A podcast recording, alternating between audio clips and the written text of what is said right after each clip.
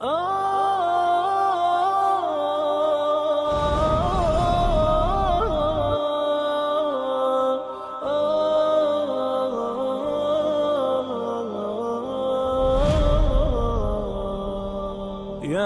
حامل القرآن قد خصك الرحمن بالفضل والتيجان والروح والريحان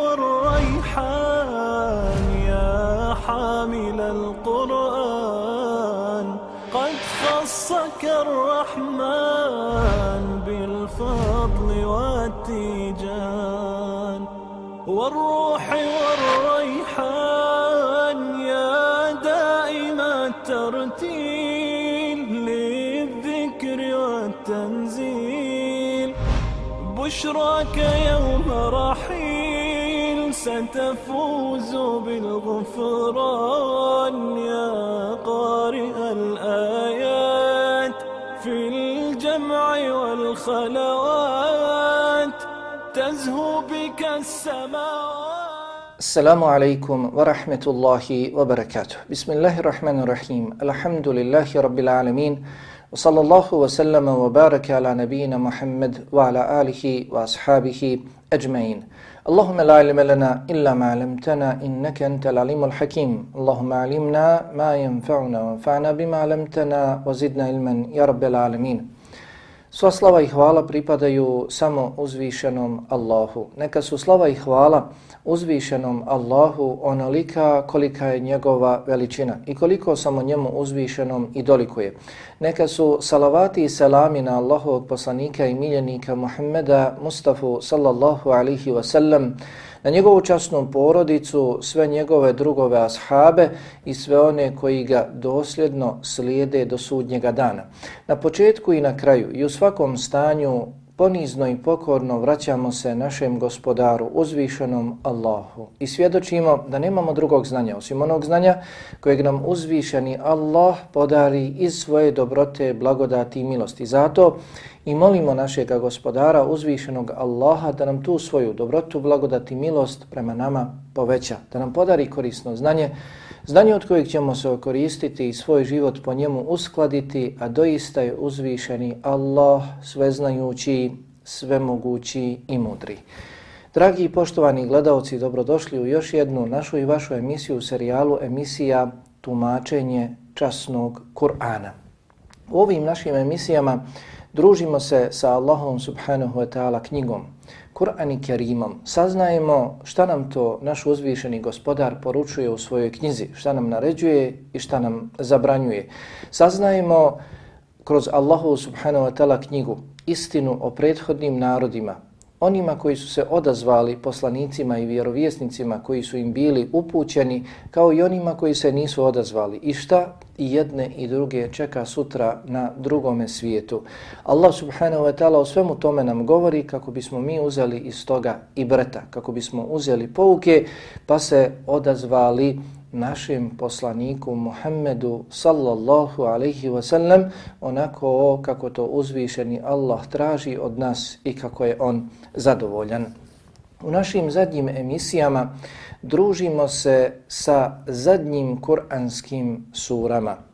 Zašto? Zato što su to uglavnom sure koje mi poznajemo na pamet, koje učimo na pamet i te sure zbog toga i najčešće učimo u našim namazima i na drugim i u drugim prigodama.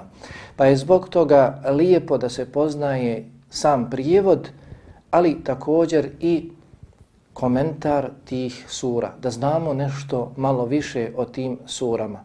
Složit ćemo se zasigurno namaz onoga koji poznaje šta uči, poznaje značenje kuranskih hajta, kuranskih sura, koje uči u svome namazu, njegov namaz je daleko, daleko jeli, vrijedniji, daleko više različit od onoga koji uči te iste sure, ali ne poznaje njihovo značenje. I ove sure nisu velike, nisu duge i njih nema nešto veliki broj, uglavnom njih desetak do dvadeset, one sure koje se najčešće uče i u mektebima zato što su najkraće sure da se ljudi osposobe i da mogu u, u svojim namazima mijenjati te sure s vremena na vrijeme, učiti dakle različite sure, pa dakle i nije potreban neki veliki komentar, odnosno nije nam potrebno nešto mnogo vremena da utršimo, da sve to jeli saznamo, a zasigurno naš namaz će biti uveliko, uveliko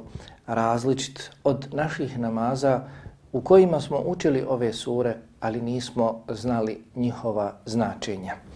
Danas uz Allahu dozvolu družimo se sa surom El Kafirun. Sura El Kafirun. Kul ja ejuhel kafirun. La a'budu ma ta'budun. Wala antum abidune ma a'bud. Wala ana abidum ma abettum.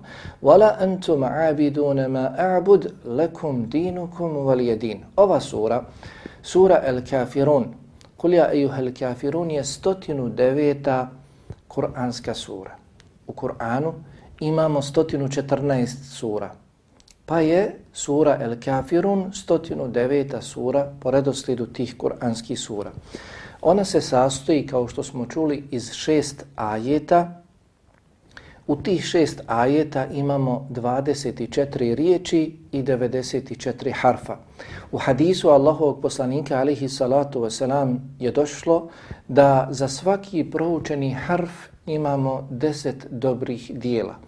Pa dakle, u suri Al-Kafirun ima 94 harfa. Ona je, sastoji se, napisana je dakle od 94 harfa, dok je proučimo Allahom dozvolom, iskreno radi njega, očekujući nagradu od uzvišenog Allaha, dok proučimo suru Al-Kafirun, imamo 940 dobrih dijela.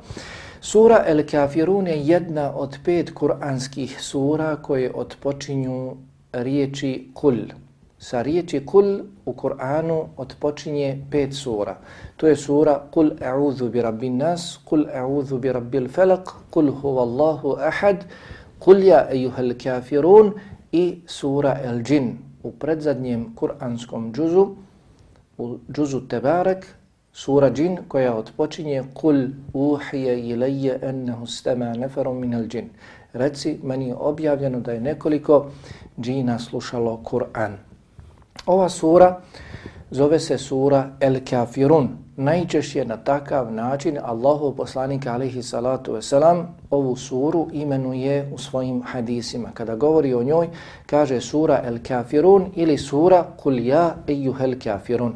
Također kažu komentatori, Kur'ana da se ova sura još naziva i sura Ihlasa, da se zove sura Ihlasa ili da se zove Ihlas. Zašto? Zato što i ova sura poziva na iskreno obožavanje Allaha subhanahu wa ta'ala jednog jedinog. Ihlas znači dakle nešto iskreno, znači nešto čisto, pa ova sura, kao što ćemo vidjeti, iz njenog prijevoda i njenog značenja poziva na obožavanje Allaha subhanahu wa ta'ala jednog jedinog čisto. Da se obožava samo Allah, da se u tome bude iskreno, da se mimo Allaha ibadet ne upućuje nikome drugom. Također kažu komentatori da se ova sura još naziva munabeza. Munabeza. Nebz u arapskom jeziku ima značenje odbacivanja. Pa ova sura El Munabeza sura El Kafirun poziva na odbacivanje svih lažnih božanstava, a pridržavanje za Allaha subhanahu wa ta'ala jednog jedinog istinskog Boga. El Munabeda, dakle sura koja govori na odbacivanje svih drugih bogova, lažnih božanstava, mimo Allaha dželle jer je Allah subhanahu wa ta'ala jedan jedini istinski bog dostojan obožavanja. Također kažu da se ova sura zove El Muqashqasha, da se sura El Kafirun zove Mukaškaša zato što uh, ima značenje čišćenja od širka, od mnogoboštva. Onaj koji bude ustrajavao u učenju ove sure, bude poznavao njeno značenje, bude radio po njenom značenju, dakle bude iskren u svemu tome, on će biti očišćen od širka mnogoboštva. Biće udaljen, pa se zbog toga i ova sura zove Mukaškaša, ona dakle koja ukazuje na čistoću od mnogoboštva. Po mišljenju većine komentatora Kur'ana, sura El Kafirun je mekanska sura. Ima pojedinih komentatora koji kažu da je ova sura medinska, dakle da je objavljena nakon hijđre preseljenja Allahovog poslanika Muhammeda alihi salatu oslam iz Mekke u Medinu. Međutim, ispravnije je da je ona objavljena prije hijđre, da je ona objavljena u Mekki prije hijđre Allahovog poslanika alihi salatu oslam, čemu svjedoči i povod njene objave. Kada se vratimo na knjige koje govore o povodima objave kuranskih sura, vidjet ćemo dakle da se za suru El Kafirun spominje događaj kada su mnogobošci, mušrici, dakle Arapi Mekke, došli Allahovom poslaniku Muhammedu sallallahu alaihi wasallam i ponudili. Rekavši mu, o Muhammede, hajde, da mi jednu godinu obožavamo Tvoga Boga, a ti narednu godinu, sljedeću godinu obožavaj naša božanstva. Pa ćemo vidjeti šta je bolje od toga. Ako uvidimo da je obožavanje Tvoga Boga, jednog jedinog istinskog Boga, Allaha, bolje, onda ćemo mi prihvatiti, prigrliti Tvoju vjeru. A ako ti vidiš da je bolje da se obožavaju naša božanstva, onda ti prihvati našu vjeru. Tada je Allahov poslanik sallallahu alihi wasallam rekao Allah me sačuvao, neka me Allah sačuva da ja njemu druge smatram ravnim. Zatim je nakon toga objavljena sura El Kafirun. Kažu, nakon toga te večeri objavljena je sura El Kafirun, kulja i El Kafirun i 64. ajet sure Zumer u kojem Allah subhanahu wa ta'ala kaže Kul efe gajra Allahi ta'muruni ejuhel abudu ejuhel džahilun Reci, Zar od mene tražite da obožavam nekoga drugog mimo Allaha, o neznalice, o neznalice? Zar od mene tražite da obožavam nekoga drugog mimo Allaha? Zatim, sutradan ujutro, Allahu poslanik Muhammed sallallahu alihi wasallam otišao do dotičnih mušrika, mnogobožaca Arapa, tadašnjih Arapa u Mekki i iscitirao im suru El Kafirun Iscitirao im suru El Kafirun, gdje jasno odriče se Allahov poslanik sallallahu alihi wasallame od njih i njihovih lažnih božanstava. Nakon čega su oni, mušrici mnogobožci, izgubili svaku nadu u pridobijanje Muhammeda. Svaku nadu od odvraćanja Muhammeda od poziva u vjerovanje, obožavanje jednog jedinog istinskog Boga Allaha subhanahu wa ta'ala i nakon toga počela su još veća uznemiravanja Allahovog poslanika Muhammeda sallallahu alihi wasallame i njegovih sljedbenika. Dakle, to je bio povod sure El Kafirun i jasno se u povodu kaže da se to događalo, zbivalo u Mekiji, malte ne na početku, na početku je islama prilikom širenja poziva, javnog poziva Allahovog poslanika alihi salatu wasalam u obožavanje Allaha jednog jedinog. O vrijednosti ove sure govore pojedini hadisi Allahovog poslanika alihi salatu wasalam i u njima se jasno kaže da ova sura, sura El Kafirun, kul ja ijuhel kafirun, ravna je jednoj četvrtini Kur'ana. Ova sura, sura El Kafirun, ravna je jednoj četvrtini Kur'ana. Pa se kaže u hadisu Ibn Abbas radijallahu anhuma da je Allahov poslanik alaihi salatu wasalam rekao sura Kul ja ejuhel kafirun vrijedi koliko četvrtina Kur'ana. Sura El Kafirun, kul ja kafirun vrijedi koliko jedna četvrtina Kur'ana i ovaj hadis zabilježu imam Tirmizi, a šejh Albani rahimehullahu ta'ala je ocijenio hadis vjerodostojnim. Od Abdullaha ibn Omara radijallahu anhuma se prenosi da je Allahov poslanik alihi salatu wasalam rekao sura Kul huvallahu ahad sura Kul huvallahu ahad ravna je jednoj trećini Kur'ana dok sura Kul ja ejuhel kafirun ravna je jednoj četvrtini Kur'ana. I ovaj hadis, ovo predanje zabilježuje imam Teverani, šeha Albani ga je također ocijenio vjerodostojnim. Dakle, sura El Kafirun svojom sadržinom poziva na iskreno obožavanje Allaha jednog jedinog, a odbacivanje svih lažnih božanstava. Poziva vjernike da se usredotoče na obožavanje Allaha subhanahu wa ta'ala jednog jedinog, da na tome ustrajavaju sve do svoje smrti i da odbace svalažna božanstva i one koji njih obožavaju. Sura El Kafirun govori o tome. Na iskr, poziva na iskreno obožavanje Allaha subhanahu wa ta'ala jednog jedinog i na odbacivanje, negiranje, nijekanje lažnih božanstava i onih koji ih obožavaju. Također, zbog važnosti, vrijednosti ove sure, njene sadržine, došle su brojne situacije kada je lijepo propisano učiti ove sure.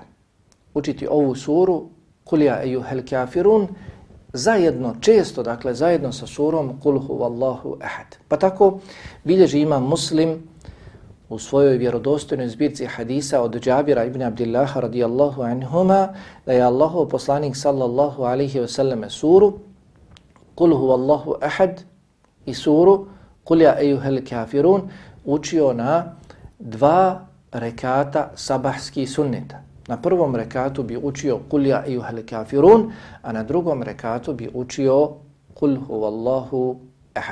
Također bilježi se u muslimovom sahihu da je Allahov poslanik alihi salatu sam na dva rekata namaza nakon obavljenog tavafa. Poznato je kada se tavafi oko Kabe, nakon toga klanja se dva rekata iza meqami Ibrahima ako, ako se može jeli, stati na to mjesto ako je slobodno. Na prvom rekatu se uči kul ja ejuhel kafirun, na drugom rekatu se uči kul huvallahu ahad. Također zabilježeno je kod imama Ahmeda od Abdullah ibn Omera radijallahu anhuma da je rekao mjesec dana pratio sam Allahovog poslanika sallallahu alaihi wasallame koje uči sure na određenim namazima. Pa sam na 20 i nekoliko, 25 dana uvidio sam da na sabahskim sunnetima i na akšamskim sunnetima da uči kul ja ejuhel kafirun i kul huvallahu ahad. Kul ja ejuhel kafirun na prvom rekatu i kul huvallahu ahad na drugom rekatu. Dakle, gdje? Na sabahskim sunnetima. Dakle, to je prvi namaz koji se klanja ujutro, kada se probudi i također na akšamskim sunetima koji dolaze nakon akšamskog farda. Dakle, kada nastupi noć, odmah na početku, na početku noći. Bilježi se također da je Allahov poslanik alihi salatu wasalam, kako bilježi imam Ahmedu Dubej ibn Kaaba radijallahu talan, da je na vitr namazu, na prvom rekatu, kada bi klanjao tri rekata za redom, da bi na prvom rekatu učio sebi hisma rabbi kel a'la, na drugom rekatu bi učio kulja ejuhel kafirun i na trećem rekatu bi učio kul huvallahu ehad. Kada? Na vitr namazu. To je dakle zadnji namaz u dubokoj noći. Lijepo je da se vitr namaz odgodi. Ko je siguran da će moći ustati prije nastupa zore najbolje. Ko želi također da klanja još nekoliko rekata noćnog namaza, da ustane nekada u noći, da klanja noćni namaz, lijepo je da taj namaz završi sa vitr namazom. Ne mora se dakle uvijek vitr namaz klanjati odmah nakon jacije. Ne, lijepo je onome koji pretpostavlja, to mu je praksa, da će moći ustati dakle na večer nekada i klanjati pred zoru, pogotovo je najbolje prije nego li nastupi zora da se tada klanja nekoliko rekata noćnog namaza, najbolje je dakle tada ostaviti vitr namaz. Dakle, svi namazi na kraju završavaju se sa vitr namazom i na tom vitr namazu Allahov poslanik alaihi salatu wasalam je učio kul ja juhal kafirun i kul hu Allahu ahad. Također bilježi Imam Ahmed od jednog ashaba kaže bio sam sa Allahim poslanikom alaihi salatu wasalam na putovanju Išao sam, hodio sam sa Allahovim poslanikom, alihi salatu oslam, pa smo prošli pored jednog čovjeka, a on je bio u namazu, klanjao je na otvorenom, pa ga je poslanik, alihi salatu oslam čuo kako uči kul ja juhel kafirun. Ovu suru, suru al kafirun, te je rekao za njega, za tog ashaba, rekao je Allahov poslanik, alihi salatu oslam, što se tiče ovoga, on je čist od mnogoboštva. Što se tiče ovoga, on je čist od širka. Zato ko bude učio suru El Kafirun često, bude učio iskreno sa objeđenjem, pogotovo bude radio po njoj, on će zasigurno biti čist od mnogoboštva od širka. Zatim je prošao pored drugog ashaba koji je učio suru u namazu Kulhu Allahu Ahad, pa kaže što se tiče ovoga, njemu je oprošteno. U drugom citatu stoji, njemu je džennet zagarantovan. Također bilježi se da je Allahov poslanik alihi salatu wasalam rekao kada legneš u postelju prouči kul ja ejuhel kafirun. Kada odeš u postelju da spavaš, hoćeš da spavaš, prouči kul ja ejuhel kafirun jer doista je ta sura odricanje od mnogoboštva. Ta sura svojom sadržinom poziva na odricanje od mnogoboštva i onaj koji uči tu suru, el kafirun, on se odriče od mnogoboštva, odriče se od širka. Dakle, Allaho poslanik alihi salatu wasalam klanjao bi i u namazu, prvom namazu, ujutro učio bi suru kulja i el kafirun kao i suru kulhu Allahu ahad. Zatim na akšamskim sunetima učio bi kul ja juhel kafirun i kul hu Allahu ahad. Zatim, kada bi odlazio na spavanje, preporučio je da se uči kul ja juhel kafirun. Zatim, kada bi ustajao noću i klanjao vitr namaz, opet kao zadnji namaz učio bi suru kul ja juhel kafirun. Zbog čega? Zbog čega bi odpočinjao dan sa kul ja juhel kafirun i završavao dan, odpočinjao noć sa kul ja juhel kafirun. Zatim završavao noć sa kul ja juhel kafirun zbog njene sadržine, Zbog toga što čovjek kada uči kulja ejuhel kafirun, time priznaje Allaha subhanahu wa ta'ala za jednog jedinog istinskog Boga dostojnog obožavanja i samo njega obožava dok negira sva druga božanstva. Sura Kul huvallahu ahad opisuje Allaha.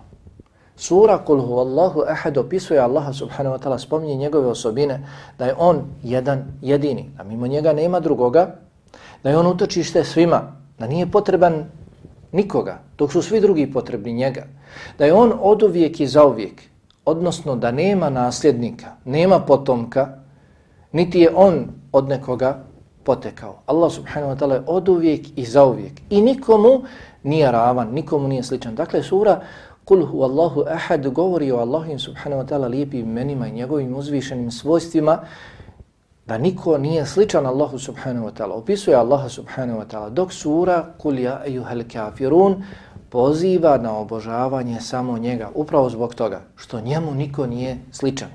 Sura El Kafirun poziva na obožavanje samo Allaha subhanahu wa ta'ala jednog jedinog i dakle također poziva na odbacivanje svih lažnih božanstava i onih koji njih obožavaju. Dakle, ova plemenita sura, sura Al-Kafirun, 109. Kur'anska sura, odpočinje sa kul. Nakon bismille, nakon bismille, bismillah je, kako kaže Ibn Abbas radijallahu anhuma, zaseban ajet kojeg je Allah objavio da bi njime razdvojio jednu suru od druge.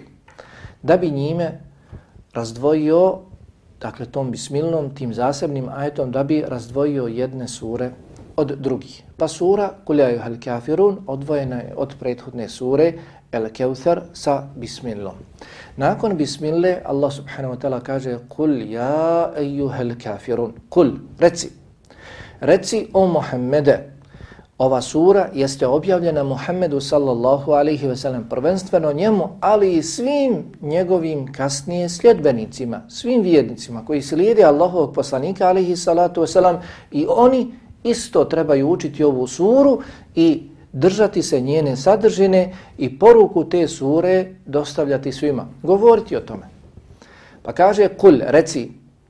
Međutim, reci i svojim jezikom i svojim srcem u sadržinu ove sure tvoje srce treba da bude ubijeđeno. Ti trebaš da budeš ubijeđen da je Allah jedan jedini istinski Bog dostojen obožavanja. I onda to reci svojim jezikom.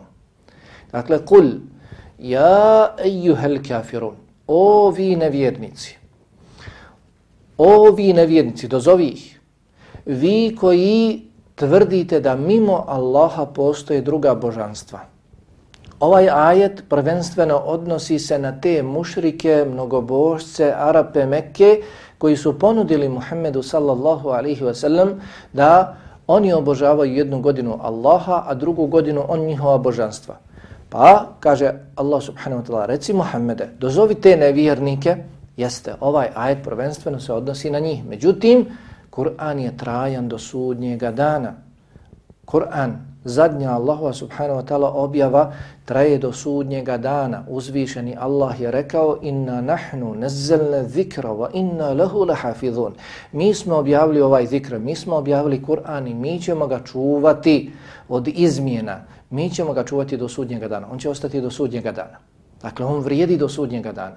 Pa ovaj ajet prvenstveno se odnosi na tadašnje nevjernike, mušrike, mnogobožce Mekke, ali se odnosi na sve one koji budu Allaha obožavali i uz Allaha još nekoga drugog. Koji budu mimo Allaha subhanahu wa ta'ala obožavali druga, druga božanstva. Pa reci svima njima. Ovi nevjernici. La a'budu ma ta'budun. Ja ne obožavam ono što vi obožavate. Ja ne obožavam one koje vi obožavate. Ja obožavam samo Allaha subhanahu wa ta'ala jednog jedinog. Vi obožavate druga božanstva. Ja ne obožavam to što vi obožavate. Jer Allahu subhanahu wa ta'ala nema nikoga ravnim kako da uzmem nekoga drugog za Boga mimo njega. Wala antum abidun ma a'bud. I vi ne obožavate ono što ja obožavam ili vi ne obožavate onoga koga ja obožavam. Vi ne obožavate Allaha. Ako i obožavate Allaha, vi ne obožavate Allaha jedinog. Vi uz Allaha obožavate i druge. A takvo obožavanje Allaha nije ispravno. Allah nas je stvorio da obožavamo samo njega. Kao što je rekao, Allah subhanahu wa ta'ala kaže وَمَا خَلَقْتُ الْجِنَّ وَالْإِنسَ إِلَّا لِيَعْبُدُونَ Ja nisam stvorio ni jednog džina, ni jednog čovjeka osim da mene obožava, samo. Samo da mene obožava, nikoga drugog, zbog toga smo stvoreni. Pa vi koji uz Allaha obožavate i druge, vi u stvari ne obožavate Allaha kako treba obožavati nekoga drugog uz Allaha znači isto kao kada čovjek ima abdest pa njegov abdest pomiješa se sa nečistoćom. Imao je, bio je čist i nakon toga izvrši malu nuždu ili neku drugu, unečisti se, nema više abdesta. Nema više abdesta. Ibadet, obožavanje jeste samo ono što je čisto radi Allaha subhanahu wa ta'ala. Ponovo, وَلَا أَنَا عَابِدٌ مَا أَبَتْتُمْ I ja neću nikada obožavati one koje vi obožavate. Prvi ajet, ja ne obožavam onoga koga vi obožavate. Ha? Niti ću, wala ana abidum ma abettum, niti ću ja ikada obožavati one koje vi obožavate. Dakle, u budućnosti. Sada ne obožavam i neću nikada u budućnosti obožavati one koje vi obožavate. Zašto? Zato što je Allah od uvijek i zauvijek. Zato što Allahu niko nikada neće biti ravan. Niko nikada neće biti ravan jer su svi stvorenja, Allah je stvoritelj. Niko ne može biti sličan niti ravan stvoritelju. Wala antum عَابِدُونَ ma a'bud niti ćete vi obožavati, ako nastavite na takav način i dalje obožavati druge uz Allaha, vi nećete obožavati u budućnosti onoga koga ja obožavam. Na takav način, do svoje smrti, budete li obožavali uz Allaha još nekoga drugog, vi nećete doista obožavati Allah. Makar vi tvrdili, jer je poznato da su mušrici i mnogobožci veke dozivali Allaha u tegobama nedaćama, vraćali se Allahu, jeli kada im bude teško, ali u blagostanju obožavali su kipove, obožavali su kamenje i ostalo, imali su svoje, svoja lažna božanstva. Obožavali su i Allaha i njih. Međutim, to se ne naziva obožavanjem Allaha, jer Allah treba da se iskreno obožava. Obožavati Allaha znači obožavati samo njega i negirati sva druga božanstva. Kada se kaže la ilaha illallah, kaže se nema istinskog Boga. Dakle, negiraju se sva lažna božanstva i osim Allaha, istinsko božanstvo jeste Allah subhanahu, subhanahu wa ta'ala. Dakle, ova sura, sura Al-Kafirun, jasno govori o razlici između vjernika i nevjernika. Jasno govori o razlici onoga koga vjernici obožavaju, dakle između Allaha subhanahu wa ta'ala i lažnih, lažnih božanstava. Ova sura, sura El Kafirun, poziva na iskreno obožavanje Allaha subhanahu wa ta'ala jednog jedinog. Danas, sutra, sve do kraja svoga, svoga života. Allah subhanahu wa ta'ala kroz ovu suru postiče nas da ustrajemo u obožavanju samo njega jednog jedinog. Također ova sura postiče nas na odricanje lažnih božanstava, na negiranje lažnih božanstava, ukazivanje da sve drugo što se obožava mimo Allaha subhanahu wa ta'ala da nije vrijedno toga, sve drugo stvorenje i sve drugo treba da obožava Allaha, a ne da ono bude, ne da ono bude obožavano, jer ono bio ko, mako bio, mimo Allaha subhanahu wa ta'ala on nema ama baš ni jedno svojstvo gospodara. Zato dakle, sve drugo su lažna božanstva i to treba negirati svojim srcem i svojim jezikom i svojim svojim dijelom. I kroz ovu suru, suru El Kafirun, Allah subhanahu wa ta'ala obećava onima koji budu obožavali mimo Allaha subhanahu wa ta'ala druga božanstva, lažna božanstva da će na drugom svijetu skončati, jer Allah subhanahu wa ta'ala kaže na kraju lekum dinukum velijedin. Vama vaša dijela, meni moja dijela. Vama vaša vjera, meni moja vjera. To jest čekajte. Ako ustrajite na tome, čekat ćemo. A kada se kažu ove riječi čekajte i čekaću, onda dakle misli se na čekajte kaznu onda očekujte kaznu ako ustrajete, ako ustrajete na tome. Molim Allaha subhanahu wa ta'ala da nas učvrsti u našoj vjeri, da nas učvrsti na obožavanju njega, Allaha subhanahu wa ta'ala jednog jedinog i na negiranju svih lažnih božanstava, na ukazivanju na njihovu ništavnost i pozivanju da se obožava samo Allah subhanahu wa ta'ala. Molim Allaha subhanahu wa ta'ala da oprosti meni vama, mojim i vašim roditeljima i svim vjernicima, muslimanima i muslimankama. Walhamdulillahi rabbil alamin. Wa اللهم على نبينا محمد وعلى آله وأصحابه أجمعين. والسلام عليكم ورحمة الله وبركاته.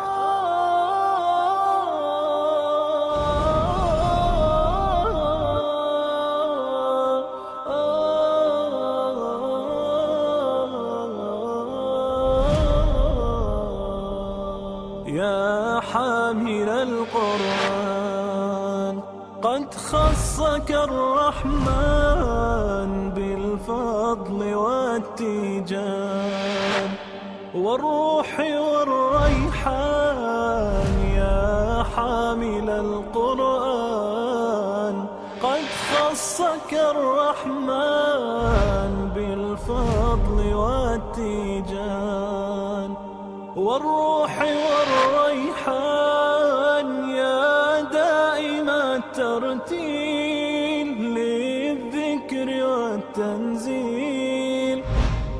بشراك يوم رحيل ستفوز بالغفران يا قارئ الآيات في الجمع والخلوات تزهو بك السماوات